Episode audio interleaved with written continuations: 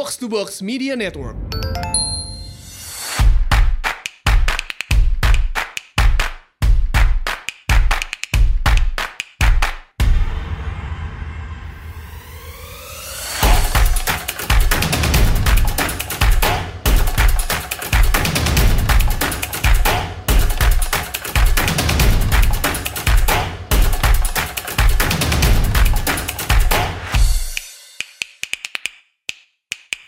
Selamat datang di Asumsi Bersuara dan kali ini kita kedatangan Pak Luki Sebastian. Selamat datang Pak Luki. Selamat pagi. Ya. Pagi. Pak Luki ini adalah teknoblogger, salah satu yang paling influensial di dunia teknologi.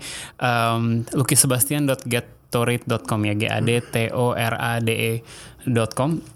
Dan kita udah tahu kan kira-kira kita akan membahas tentang aturan baru yang hmm. uh, diberlakukan oleh Kementerian Kominfo kalau nggak salah ya, yeah. um, terkait pemblokiran IMEI. Dari ponsel-ponsel yang tidak terdaftar gitu.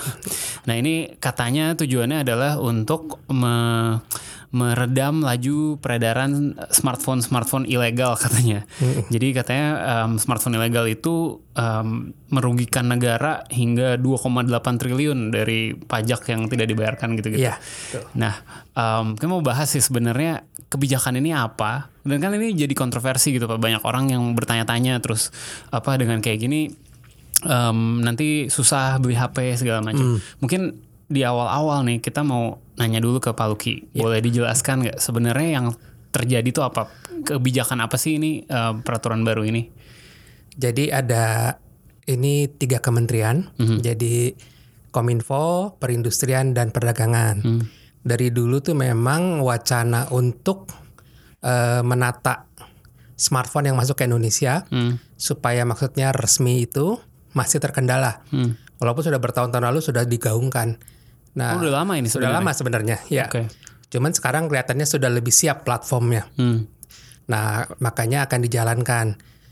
Jadi eh, ternyata di kita itu peredaran smartphone yang tidak resmi itu banyak banget.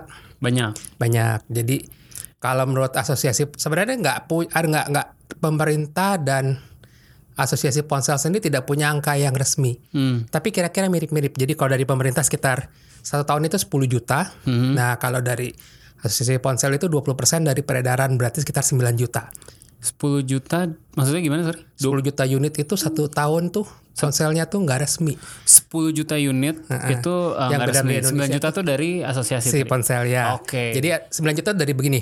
Kan satu tahun diperkirakan Indonesia itu 45 juta peredaran mm -hmm. ponsel. Nah, itu per tahun ya? Per tahun? Per tahun. 45 per tahun. juta. Oke. Okay. Nah, 20 persennya itu ternyata tidak resmi, tidak lewat jalur resmi. Hmm. Nah, ini angka-angkanya mirip 9 atau 10 juta. Asosiasi Ponsel menghitung bahwa kerugian tidak bayar pajak 12,5 persen itu hmm. uh, jadi sekitar 2,8 triliun. Oke, gede banget. Lumayan. Nah, hmm. um, apa sih yang sebenarnya dilakukan dengan pemblokiran ini? Yang terjadi apa kalau misalnya HP HP saya ternyata uh, emailnya emailnya nggak terdaftar gitu. Nah kalau sekarang sih begini, jadi ini akan berlaku tuh ke depan. Oke. Okay. Ke depan. Jadi handphone handphone yang di belakang tuh akan dilupakan. Jadi uh, kira-kira pemerintah belum menemukan nama aslinya tuh apa, hmm. uh, istilahnya apa. Tapi kita kira-kira kita bilang sih pemutihan. Pemutihan. Pemutihan. Jadi, Jadi kalau udah pernah beli HP BM sebelumnya black iya, market ya, itu ya udah dimaafkan. Dimaafkan. Tinggal okay. nanti ada ada mekanisme pendaftaran. Hmm. Jadi kalau nanti dicek di Kemenperin kita punya email tidak keluar, dia uh, boleh masuk website untuk mendaftarkan. Oke. Okay. Oke, okay, nah tapi ke depannya nggak bisa lagi. Ke depannya nggak bisa lagi. Nah, ke depannya itu bukan berarti benar-benar putus sih tidak, hmm. tetapi ada mekanismenya lagi. Hmm. Misalnya kita bawa pasir dari luar, nah ini masih digodok oleh pemerintah, belum selesai. Apakah misalnya kalau nanti kita pergi keluar pulang bawa handphone, hmm. apakah uh, kalau cuma satu boleh gitu ya? Hmm. Kemarin sih kira-kira dari Mas Nando dari Kemon Kemkominfo itu baru mengatakan mungkin seorang tuh dua. Seorang bisa dua. Seorang tuh bisa dua setiap tahun. Setiap tahun. Jadi oke. Okay. Uh, kalau nah mereka yang belum mereka belum tahu apakah harus bayar bea cukai pajak gitu okay. atau dia dia uh, boleh dibawa. Oke, okay, jadi belum belum diatur itu ya, masih belum diatur, masih, masih digodok. digodok masih Tapi digodok. tetap dia pulang dari luar negeri itu harus melaporkan dan mendaftarkan. Melaporkan, iya. Ribet dong, enggak ya? Sebenarnya begini, uh, kalau sistem pendaftarannya mudah dan kemungkinan mudah karena mungkin ada websitenya begitu, mestinya nggak nggak ribet Oh, lah ya. jadi jadi bukan harus kayak datang ke mana terus mendaftarkan handphone satu-satu. bukan, bukan, Atau bisa juga. Jadi kalau melihat ke negara Pakistan yang Oke. yang yang punya punya aturan yang sudah jalan lebih dulu. Mhm, mhm, Jadi mereka tuh kalau pulang tinggal boleh lapor langsung di bandara boleh. mhm, Itu bisa. Atau kemudian mereka misalnya boleh datang ke bea cukai. mhm. ke kantor bea cukai kemudian memba- eh, kalau misalnya lebih dari sa- lebih dari yang ditetapkan mereka harus bayar. Oke oke oke. Gitu. Em, ini tuh ada impactnya buat kita yang pada pada umumnya nggak sih pada orang pada umumnya atau em, itu apakah Konsumen itu lah ya. konsumen pada umumnya gitu. Kalau konsumen sebenarnya sih enggak, cuman ya mungkin gini eh, nanti kalau mau beli handphone mostly adalah handphone yang resmi. Nah, kemudian kalau mereka kadang-kadang kan pengen handphone yang enggak nggak ada di Indonesia. Iya betul. Nah, ya misalnya yang kita nggak punya perwakilan di Indonesia. Nah, atau misalnya bahkan kayak iPhone gitu. kan iPhone biasanya gitu kan. iPhone baru keluar orang langsung mau ke luar negeri Hong Kong Iya. ngantri gitu. Kadang-kadang kan eh, di kita itu kan keluarnya lambat ya. Iya. Nah, nah, ya mau ngantri gitu. Iya. Nah, sepertinya kalau ya tadi sat- satu dua biji mau pakai sendiri boleh. Oke, nah, oke. itu masih bisa.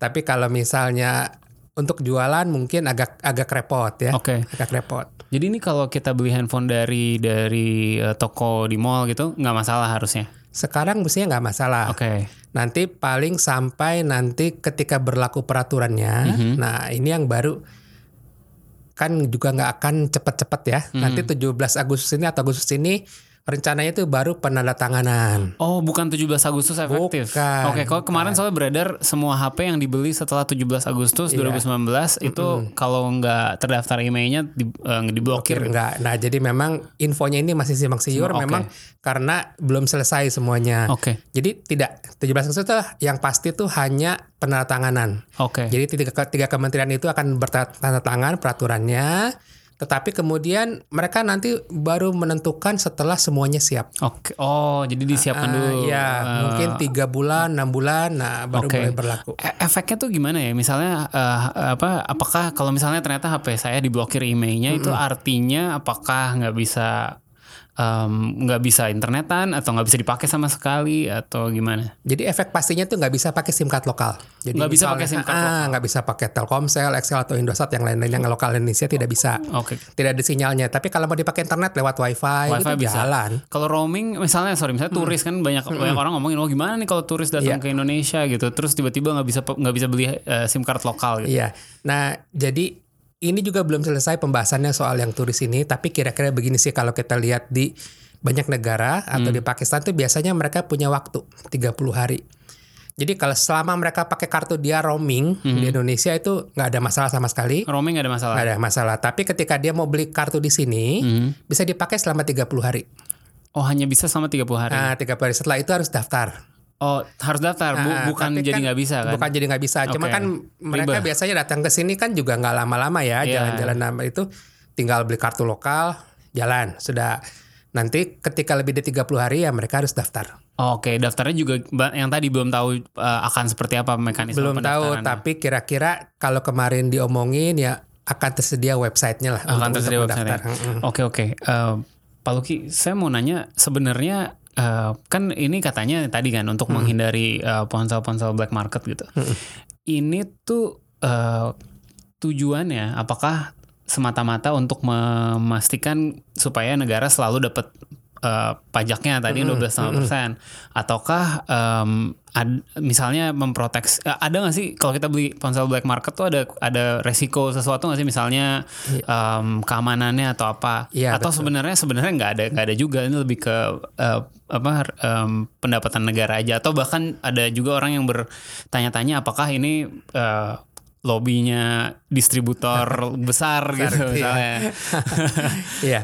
Tapi sebenarnya gini, sebenarnya eh, pada satu negara itu memang harus berlaku peraturan yang sesuai setidaknya dengan dengan kan kita punya punya aturan frekuensi dan lain-lain. Hmm. Nah, setiap ponsel itu dibuat biasanya berbeda-beda untuk setiap negara. Jadi walaupun misalnya kita beli beli brand misalnya Samsung di negara Korea sendiri dan di kita ini bisa jadi berbeda. Hmm. Nah, jeroannya. Karena kita punya aturan frekuensi yang berbeda. Makanya setiap ponsel itu yang resmi selalu lewat namanya Dirjen Postel ada STPPI-nya. Oke. Jadi mereka harus menyerahkan contohnya, kemudian dites nanti setelah dites sesuai dengan kita punya frekuensi dan lain-lain bisa optimal, baru diberi izin untuk dijual di Indonesia. Hmm. Ketika kalau misalnya belum, mereka harus membetulkan, Oke. harus disesuaikan dengan Indonesia. Jadi saya sering lihat handphone-handphone prototype yang memang untuk dites di eh, Dirjen Postel STD untuk dapat ini. Oke. Jadi mereka tuh kalau handphone yang nggak bisa dibuka baterai itu ada ada lubang-lubangnya Hmm. untuk masukkan peralatan untuk ngetesnya. Oke. Nah, jadi ini untuk memastikan supaya kita tidak saling interferensi. Jadi Mhm. misalnya kita pakai handphone luar nih, mungkin aja nggak nggak sama nih dengan dengan dengan eh, frekuensi kita sendiri nggak masalah, tetapi orang lain atau perangkat lain Mhm. yang nanti terganggu. Dan kita ini nanti akan akan menuju ke arahnya bukan ponsel saja, tapi IoT. Jadi Oke. Internet of Things. Banyak banget perangkatnya smartwatch Smartwatch. ya. Nah, itu akan semua terhubung. Nah, supaya bisa diatur supaya tidak saling interferensi. Kalau nggak Oke. sayang banget nanti kita nggak bisa optimal. Oke, nah tapi kalau tadi kan em, katanya HP yang dibeli dari luar, HP turis sebenarnya di sini tinggal didaftarin. Tapi kalau tadi eh, barusan Pak Lucky bilang em, salah satu tujuannya adalah memastikan HP yang ada di sini tuh HP yang sesuai sama sama apa eh, pokoknya eh, sesuai sama ekosistem di sini.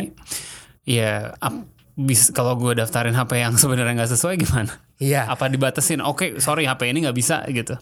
Biasanya gini sih sebenarnya kalau yang mengkhawatirkan memang kalau jumlahnya sangat banyak. Hmm. Kalau nggak terlalu banyak kan mungkin nggak terlalu itulah ya, nggak terlalu hmm.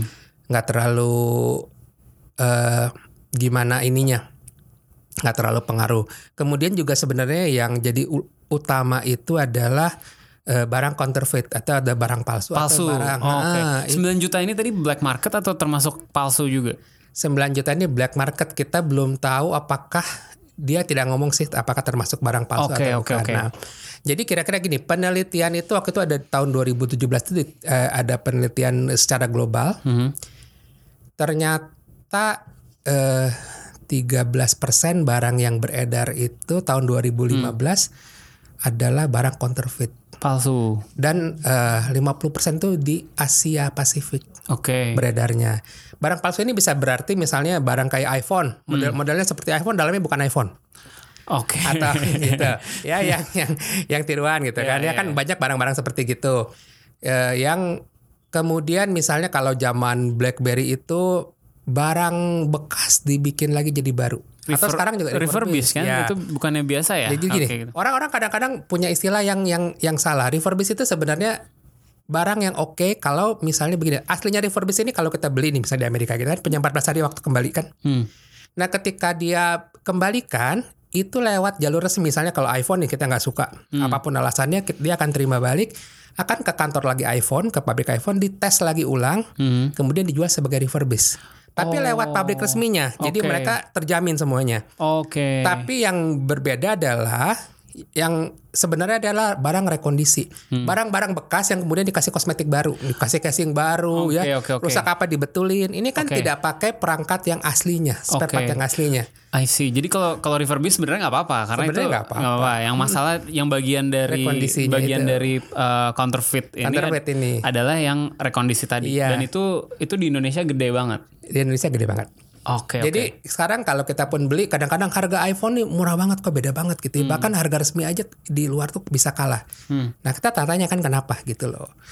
Oke oke. Ini yang kalau tentang uh, HP BM BM ini kan kita sering lihat di di internet biasanya Batam Batam gitu. Iya, iya. Ada uh, yang harganya jauh lebih murah Iya, dari iya. dari AC itu sebenarnya beneran handphone atau atau bukan sih? Atau maksudnya beneran handphone asli tapi black market atau itu counterfeit?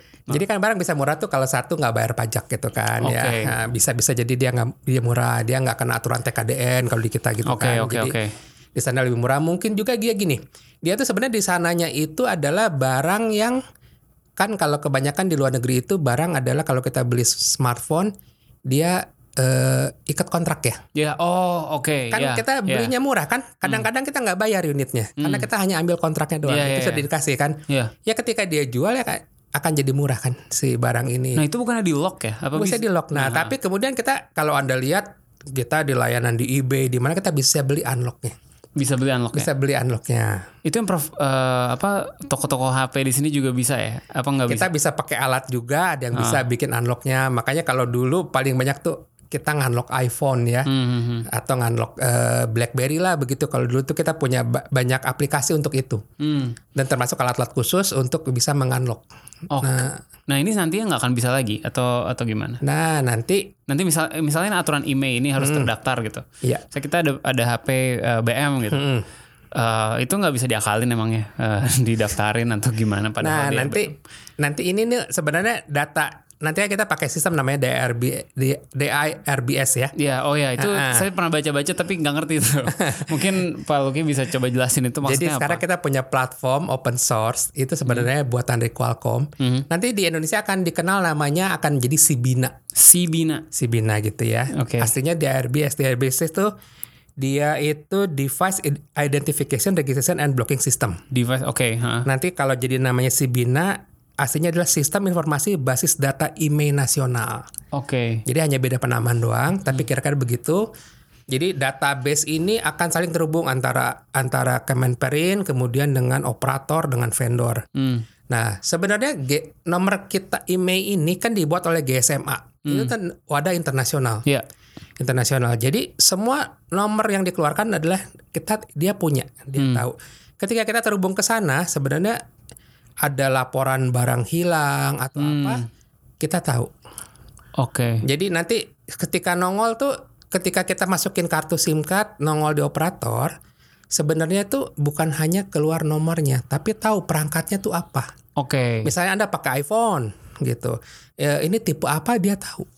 Dan lokasi di mana juga dia. Si operatornya. Si operator juga tahu. Terus ini nanti dia harus bagikan datanya ke pemerintah. Nah, ini pemerintah nanti dari, dari sistem dari RBS ini, oh ini barang yang memang sudah dilaporkan misalnya tidak tidak itu tidak misalnya saya tidak menyelesaikan kontraknya di luar negeri gitu kan. Oke, itu nggak bisa Blok, di nggak bisa. Oh. Nah, Jadi kalau misalnya ini saya coba baca juga. Jadi kalau misalnya HP saya dicuri, iya, itu bisa dibuat dia nggak bisa dipakai. betul, bisa. Nah, jadi Ah.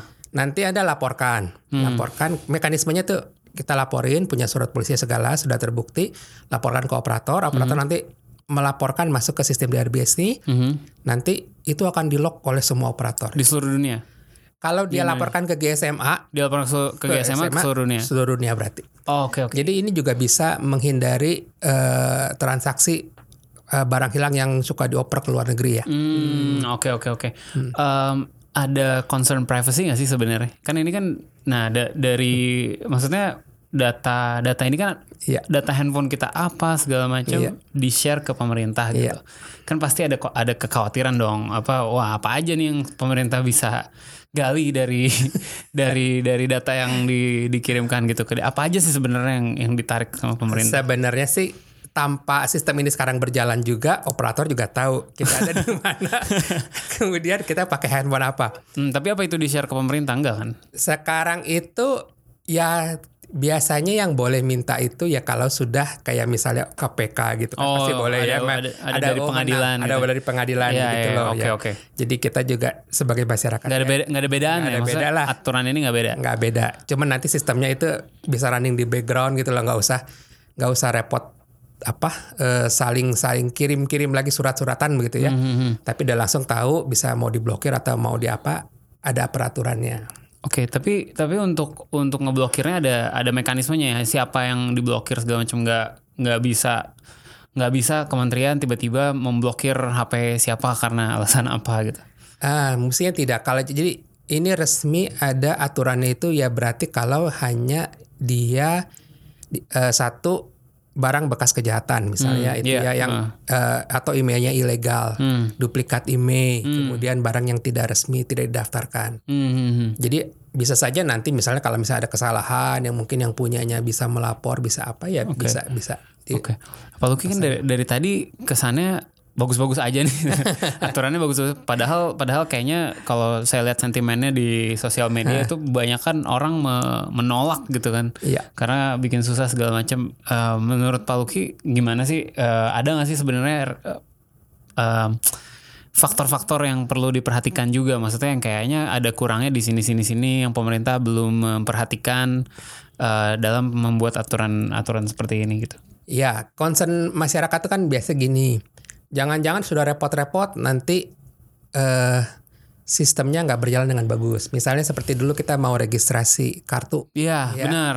Ternyata ya yang ngebohong tetap ada SMS itu tetap masuk ya. gitu kan. Nah, ini yang maksudnya mungkin masyarakat juga agak jadi antipati gitu. Hmm. Ah, nanti capek-capek dibikin mahal-mahal, sistemnya disiapin, ternyata nggak berjalan bagus. Hmm. Nah, sebenarnya sih itu yang saya lihat. Cuman sebenarnya sebagai negara yang kita mau mau lebih lurus, lebih lebih global, ya kita harus punya aturan seperti ini.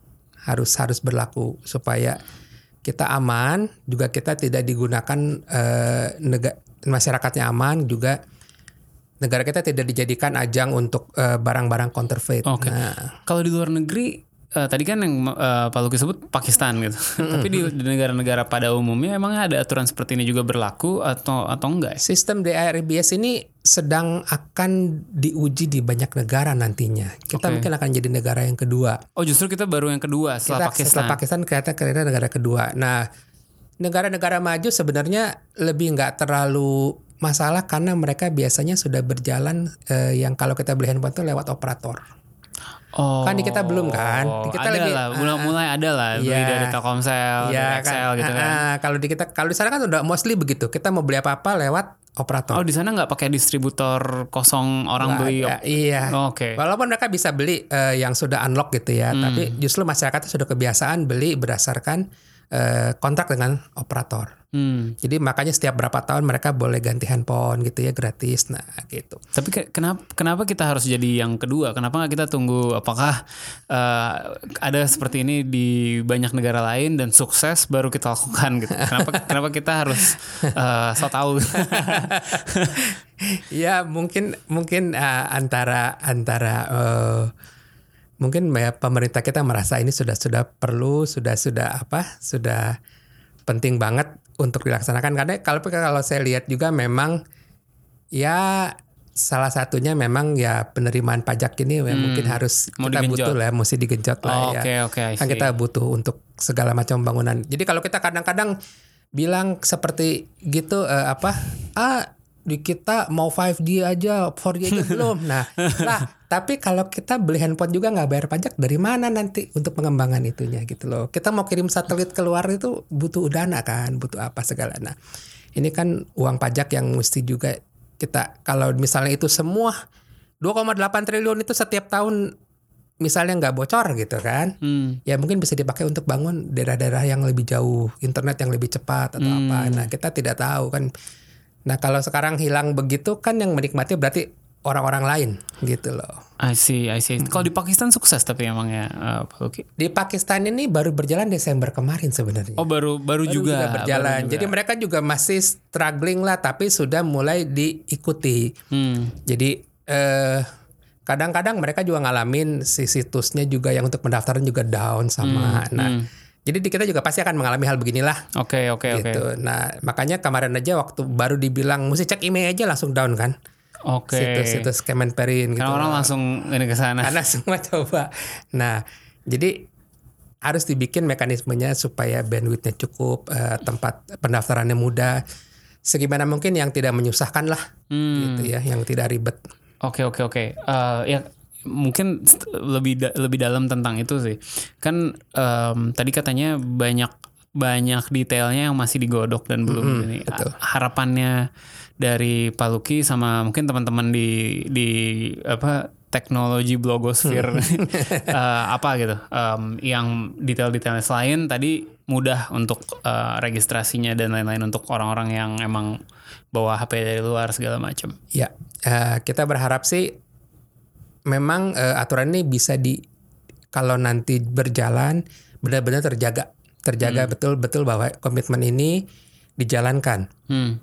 Nah supaya bisa lebih baiklah dari, dari daripada sistem yang kemarin registrasi kartu hmm. prabayar kemarin ya atau kartu SIM card kemarin. Nah supaya lebih bagus, kemudian setidaknya nanti kita terbiasa bahwa setiap warga negara itu lebih patuh terhadap hukum. Hmm. Tapi juga kita mendapatkan barang yang barang-barang yang memang terjamin lah, yang yang yang memang asli ya, bukan bukan bukan counterfeit. Nah, Hmm. itu yang kita berharap sih supaya nanti kita bisa semoga dari hasil ini nanti bisa dipakai untuk pengembangan internet kita lebih baik gitu ya. Hmm, hmm, hmm. Untuk untuk infrastruktur kita yang lebih bagus untuk untuk data segala. Oke oke.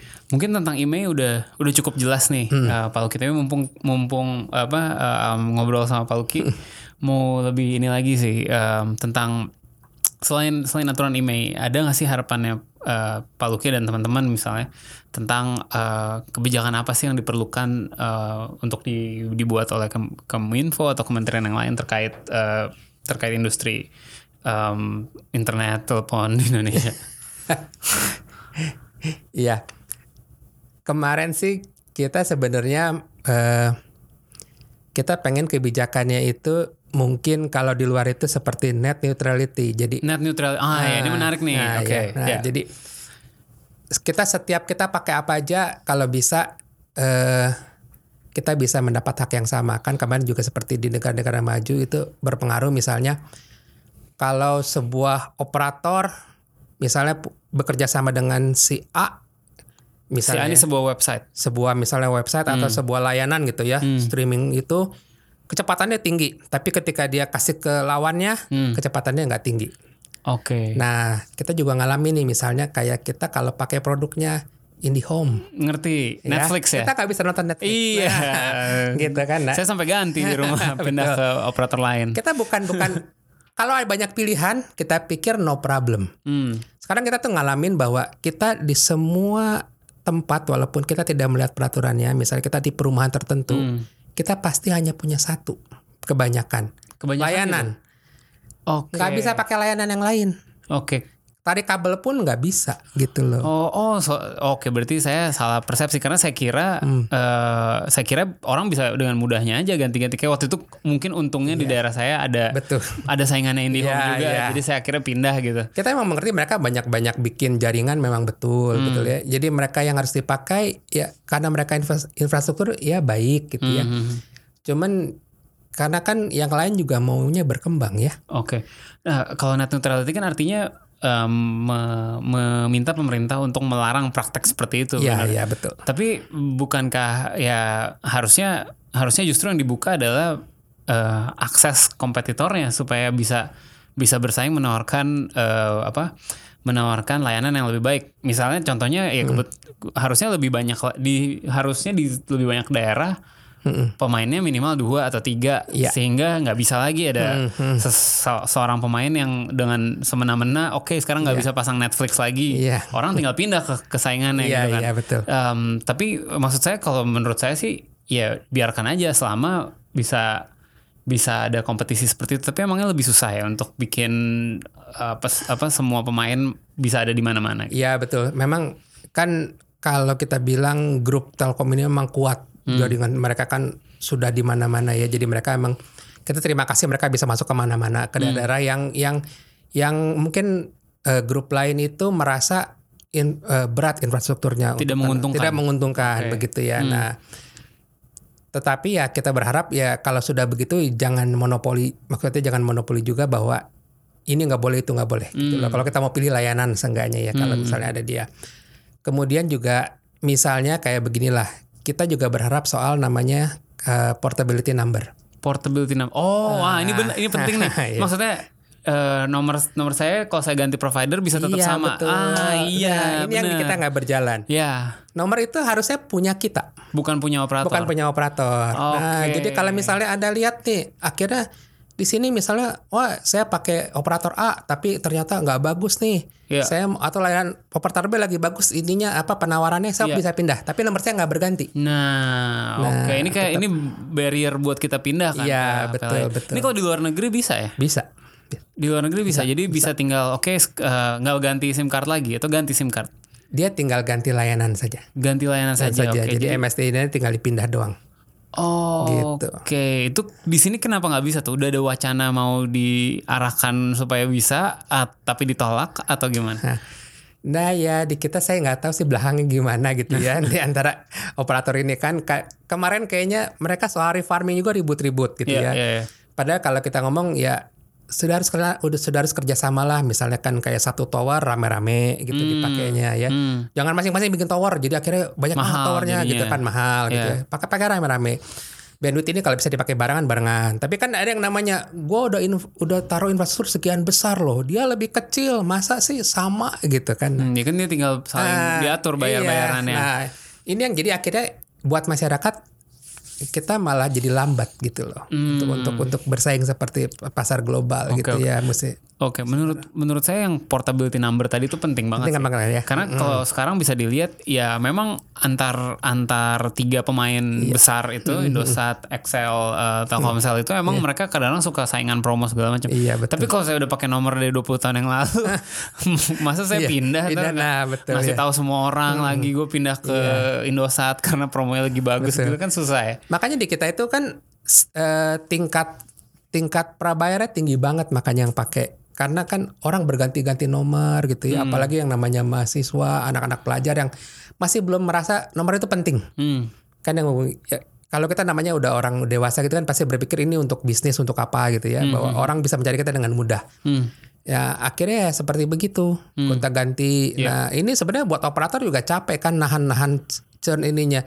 Si SIM card ini tetap mesti ada di database tapi nggak ada yang pakai Oke. udah dibuang gitu kan Iya, iya, iya. nanti nomornya di recycle di Iya, recycle dipakai orang lain dihubungin Ribet lagi. sama orang lain gitu kan nah Iya, iya, iya. ini repot Oke oke. Kalau tentang eh, ini Pak, kan dulu du- du- ributnya udah, dulu sih, tapi semua nanya lagi apakah sekarang masih menjadi menjadi polemik. Kalau harga paket, harga pulsa, harga telepon itu masih kompetitif atau ada indikasi-indikasi persaingan tidak sehat?